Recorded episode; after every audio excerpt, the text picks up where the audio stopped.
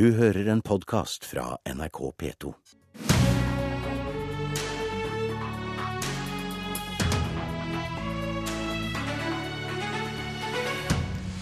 Bøndene stopper eggaksjonen mens Arbeiderpartiet ber sentrumspartiene rydde opp i jordbruksoppgjøret.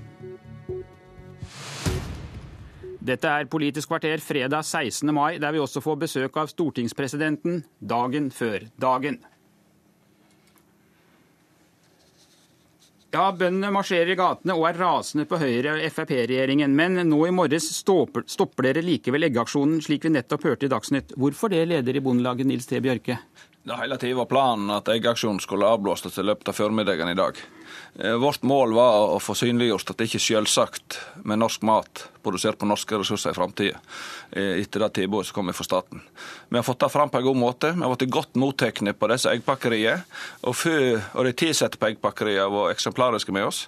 Og for at de skal få en litt lettere dag i dag, slippe å kjøre lang kveld på en 16. mai, så avblåser vi nå, sånn at de får gjøre jobben sin. Ja, godt mottatt, sier dere, men er det ikke også slik at dere var i ferd med å erte på dere ganske mange av forbrukerne? Det er kanskje det kjekkeste med de aksjonene vi har hatt så langt. Det er den store oppslutningen vi har fått hos forbrukerne. Selv med traktorkolonner, selv når det var litt lite egg, så har store flertallet forbrukere opp med tommelen. Jeg får inn meldinger fra hele landet. Vi har bondelag i alle kommuner som har demonstrert disse dagene. De er opprømte etter de aksjonene, for de får så mye støtte hos folk flest. De sier stå på, vi vil ha norsk mat òg i framtida. Kommer det flere aksjoner senere? Eh, nå skal vi feire 17. mai i fri og ro, og så kommer det mye bønder til Oslo på tirsdag. Da vil det vises. Vi kommer tilbake til deg litt senere i sendingen, eh, Bjørke. Eh, men over til deg, landbrukspolitisk talsmann i Arbeiderpartiet, Knut Storberget. Du mener det er Venstre og Kristelig Folkeparti som må rydde opp i jordbruksoppgjøret. Hvorfor mener du at det er de to støttepartiene som har ansvaret for den fastlåste situasjonen? Jeg mener i hvert fall at det er de som har innsatt den regjeringen vi nå har som må ta et betydelig ansvar for at vi har kommet i en sånn situasjon. Vi står altså overfor et av de viktigste spørsmål uh, i årene som kommer. Altså norsk mat. Skal vi kunne klare å produsere norsk mat i tilstrekkelig grad? Uh, vi har et verdensmarked som har mindre og mindre bl.a. korn å, by på. Uh, og det er et betydelig beredskapsmessig ansvar. og så har vi kommet i en ulykksalig situasjon med å ha en landbruksminister og en regjering som egentlig har snakket om, og i hvert fall i media fremmet en rekke saker og hvor vi ser at det faktisk ikke er stortingsmessig flertall. Eh, og nå Når det gjelder jordbruksoppgjøret, så registrerer jo at vi heller ikke har flertall knytta til den prosessen som pågår, i og med at Venstre og Kristelig Folkeparti prisverdig nok har vært svært ivrige på og ja. fokusere på at her må det forhandles mer. Og det er også sånn at, eh, og det syns jeg faktisk Kristelig Folkeparti skal ha ros for. Jeg oppfatter jo at de har vært faktisk veldig ivrige på dette feltet og har sagt i valgkampen at man vil være en garantist for at vi har landbruk i hele landet, og en garantist for at vi skal øke matproduksjonen. Og da forventer jeg vel egentlig at de som har satt inn regjeringen, også nå eh, setter seg ned da, og, og, prøver å få til løsning, slik at både folk får egg og at vi kan ha sikkerhet for maten for framtida. Ja, nestleder i Kristelig Folkeparti, Dagrun Eriksen. Hvilke initiativ vil dere nå ta overfor regjeringen for å få løst opp i denne veldig fastlåste situasjonen? Altså det vi har gjort inntil nå, som eh, Knut Storberget riktig påpeker, er jo at vi har bedt partene faktisk sette seg sammen. Jeg tror nok det handler også noe om å ha respekt. og det er klart Jeg tror Arbeiderpartiet forstår noe om å ha respekt for at det er partene som har ansvaret for å sette seg sammen i den fasen man er i nå. Eh, det vil man, eh, man ville sett veldig rart hvis det var partiene KrF og Venstre som nå skulle sette seg rundt bordet sammen med partene i et avtaleinstitutt som er regulert. Mm. Så det, det, tror jeg er helt håpløst. Men eh, det som jeg tror er veldig viktig, er jo, og, og det har jeg lyst både, og det har vi vært tydelige både til statsråden og til bøndene på, at det er store ting som er på spill. Det er store ting for et framtidig landbruk, men det er også store ting på hvordan avtaleinstituttet og avtalene skal ligge i framtida. Og det ansvaret ligger nå hos regjeringen og hos eh, bondelagsorganisasjonene, og ikke hos oss i KrF og Venstre. Jo, men eh, Dagrun Eriksen, nå sier altså Bjørk her at det blir ikke flere forhandlinger før det kommer et nytt tilbud på bordet. Og nå har dere mulighet til å vise da, hvilken innflytelse dere har over denne regjeringen. Hva kommer dere til å be regjeringen om å gjøre for å svare? Kan du svare konkret på det? Nei, vi har, vi har bedt regjeringen å sette seg ned med bordet. og Vi har sagt at for at det skal skje, så må både staten og bøndene vise en mer bevegelse enn det de hadde når de brøyt. Eh, når det er sagt, nå begynner tida å renne ut for å få det til. Så må vi jo komme til den situasjonen, hva skjer da? Og da tror, registrerer jeg at både for Arbeiderpartiet og KrF så er vi da i et veldig vanskelig dilemma. Fordi at jeg tror vi begge er opptatt av et avtaleinstitutt som vi ønsker å bevare. Og samtidig så ser vi at det resultatet som Hvis det blir det staten nå har på bordet, som blir liggende i Stortinget, så er det et veldig krevende resultat å skulle gå for. Storberget, hvordan synes du hun svarer på den utfordringen du kom med? Nei, Jeg hadde jo forventa at Kristelig Folkeparti og Venstre faktisk hadde mer makt inn i regjeringsapparatet eh, som et fundament for denne regjeringen, det med ærlig medie. Eh, og at man faktisk også eh, gjorde noe mer enn bare det å si til partene at her bør dere forhandle videre. Fordi at eh, det, det, dette egentlig handler om, det er jo at man har altså et brudd, og hvor man har oppfatta staten dit hen at man ikke har mer å gi. Eh, og Da hadde jeg, kanskje naivt, men eh, forventa at eh, Kristelig Folkeparti og Venstre bidro til at den, den regjeringa som man sjøl var satt inn, faktisk ikke bare åpna døra, men altså viste at man hadde noe å gi. Og Da tenker jeg ikke bare på penger i jordbruksoppgjøret, men jeg tenker på det som er kanskje den store store utfordringen i dette oppgjøret. Det er den strukturelle innretninga på dette, og den fordelingen som skjer, hvor man tar fra de små og mellomstore og gir ganske store støttebeløp til de store. Og Det er der min forventning lå. Og så vil jeg bare si når det gjelder avtaleinstituttet, så er det jo sånn at det er vanskelig for oss. Det må vi medgi, og den vurderinga skal vi ta i Arbeiderpartiet. Men det er også sånn at vi kan jo ikke det, det ville være vanskelig framover nå å sitte og se på at en, mindretallsregjering på den ytterste høyre side faktisk tvinger gjennom store reformer i dekka forhandlingsinstituttet. Det er dilemmaet, og det tror jeg både er for Kristelig Folkeparti og Arbeiderpartiet. Må ikke dere nå komme med et klart og tydelig utspill overfor regjeringen for å vise at dere faktisk har makt, og at dere mener noe med det dere sa om bøndene før valget i fjor høst?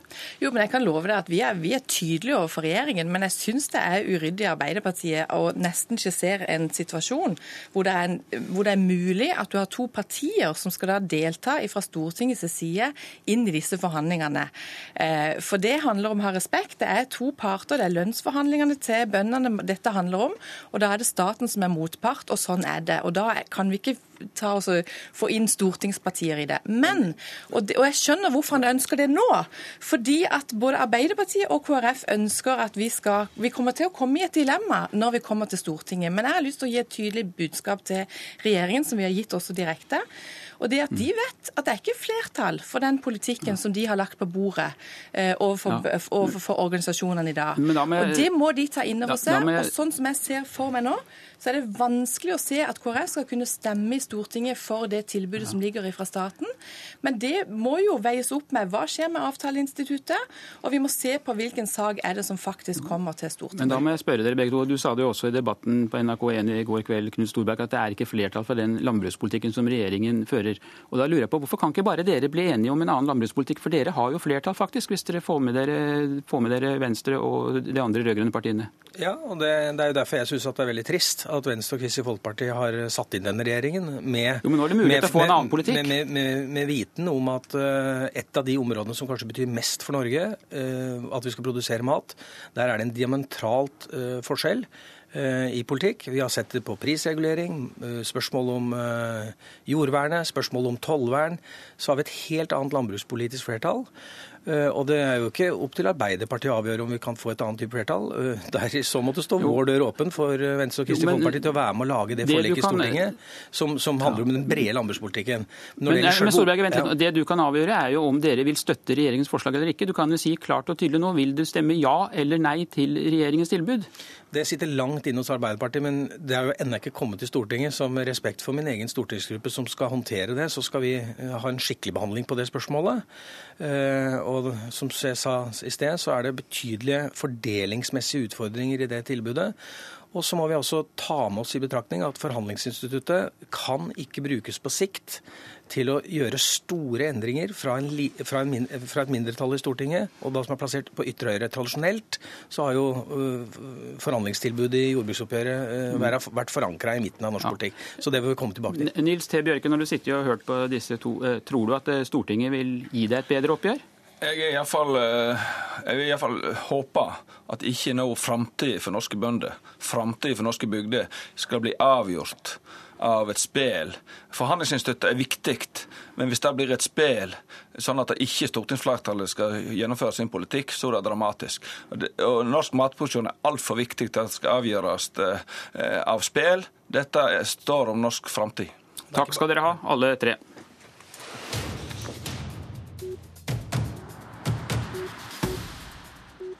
Og da skal vi få landets eh, fremste person nest etter kongen inn i studio. Så skal vi si velkommen til eh, Olemic eh, Thommessen. Vær så god, ta plass og sett deg ved mikrofonen her. Takk. Jeg bedt deg komme, for i morgen er det den store dagen, og for første gang er det du som skal stå på balkongen utenfor Stortinget og hilse barnetoget. Har du litt sommerfugler i maven akkurat nå? Jeg har i hvert fall store forventninger, og jeg gleder meg veldig til 17. mai. Det blir en, en flott dag. Vi er eh, heldige som har eh, en slik tradisjon for feiringen av nasjonaldagen vår. Det er ikke mange land som går utapå oss på det. Dette er altså en helt eh, spesiell 17. mai. Det er 200 år siden Grunnloven ble vedtatt på Eidsvoll. Hva vil du si er det viktigste ved et slikt jubileum? Det viktigste er jo at vi får en anledning til å reflektere over hva slags samfunn vi bor i. At vi, har, at vi, kan glede oss over at vi har klart å skape et samfunn som er bygget på tillit, deltakelse, Eh, og som er et eh, fungerende demokrati. Alt dette tror jeg mange kanskje tenker på som litt sånn festord, litt, eh, litt festtaler. Men det er faktisk ord med viktig innhold. Og det innholdet er det viktig og nødvendig for oss å grave litt i, og det gir et sånn jubileum muligheten til. Hvilken betydning vil du si at Grunnloven har for oss i dag? Grunnloven viser seg jo å være et veldig sterkt eh, symbol. Eh, vi ser oppslutningen eh, rundt grunnlovsjubileet forteller jo oss at dette er noe folk forholder seg til. Vi har nettopp hatt en lang prosess i Stortinget hvor vi har gjort endringer i Grunnloven, og vi ser at det en, har vært en dyptgående prosess i forhold til at Grunnloven også er et juridisk dokument. Og det er et dokument som, ja, som er, setter rammene for hvordan samfunnet vårt er, er skrudd sammen. Ja, du er inne på det. Tidligere denne uka så vedtok jo Stortinget da den mest omfattende revisjonen av Grunnloven siden 1814. Men i motsetning til på Eidsvoll for 200 år siden, så var jo Stortinget da splittet i flere spørsmål, særlig da når det var spørsmål om eh, menneskerettigheter. Hadde det ikke vært bra om Stortinget hadde klart å samle seg om grunnlovsendringene i jubileumsåret, i stedet for å gjøre dette til en politisk krangel? Nei, det syns jeg ikke. Fordi eh, det at det er forskjellige oppfatninger om dette, gjør at eh, Grunnloven er et eh, levende dokument, og ikke bare et symbol som kanskje ikke har så mye innhold. Og de kranglet så fillene føyk på Eidsvoll også. Selv om de var veldig enige til slutt. Når det hele var over, så var det ikke noe tvil om at det var harde diskusjoner der òg. Jeg syns det er et sunnhetstegn ved det norske demokratiet vårt at vi tar Grunnloven på alvor. At vi har grundige prosesser når den skal endres. Eh, at det er vanskelig å endre den, men at det er mulig å endre den. Det gjør den til et levende dokument i takt med den tiden vi lever i. I hvilken grad trenger vi å bli minnet om at eh, disse demokratiske rettighetene som er nedfølt i Grunnloven, og som vi kanskje tar som en selvfølge, ikke nødvendigvis er akkurat det, nemlig en selvfølge? Vi skal ikke se langt utover eh, Norge eller Nordens grense før vi ser at eh, demokrati er en vanskelig øvelse. Man kan godt ha konstitusjoner eller tilsynelatende demokratier hvor det er både stemmerett og valg og menneskerettigheter og allting, men hvor vi ser at det ikke fungerer i praksis. Demokratiet er et ganske skjørt byggverk, og jeg tror det er viktig at de ikke vi tar det på som en uh, opplagthet. At de, vi nettopp tar det på alvor, og at vi arbeider med det hele tiden. For det er inn, ser man inn i fremtiden, så um, kreves det faktisk at vi klarer å ha et styresett som er forankret i befolkningen. Det er i befolkningen demokratiet egentlig ligger. Og Stortinget er på mange måter et speilbilde av befolkningen. Derfor så må vi jobbe med dette, og vi må ha en stor bevissthet om det alle sammen. Og det får vi, eller det styrker vi i et nasjonalt jubileum. I morgen skal vi altså feire oss selv, og det blir bunader og flagg og fest over hele landet. Hvilken fare er det for at vi kan bli for nasjonalistiske og for opptatt av oss selv på en slik dag? Ja, Vi skal koste på oss å kunne være litt, eh, litt, eh, ha litt feststemning på 17. mai, syns jeg. Vi skal ikke sitte og, og martre oss selv i at vi alltid skal være så selvkritiske. Men samtidig så er det klart at eh, selvtilfredsheten er en dårlig tjener i forhold til å se fremover. Og um, jeg tenker at uh, når vi bikker over til 18. mai og fremover, så, så skal vi nok uh, løfte frem uh, både selvkritikken og søke den dypere innsikten i hva demokratiet handler om. Sånn sett kan jo dette være et avspark ja. fremover. I morgen ettermiddag reiser du til Eidsvoll, og du må nesten fortelle meg hva du har med deg i veska di. Jeg skal jo ha med meg Grunnloven, altså originaldokumentet, opp til Eidsvoll. Det er jo første gang dokumentet kommer tilbake dit, tror jeg, siden 1814. Det blir store sikkerhetsforanstaltninger i, i, den sammenheng. Og det er ikke noe jeg har i veska, det skal være sikkert. Det, er, det ligger i, i, skrin på skrin. Takk skal du ha for at du kom hit, stortingspresident Olemic Thommessen. Og det var Politisk kvarter med Per Arne Bjerke. Du har hørt en podkast fra NRK P2.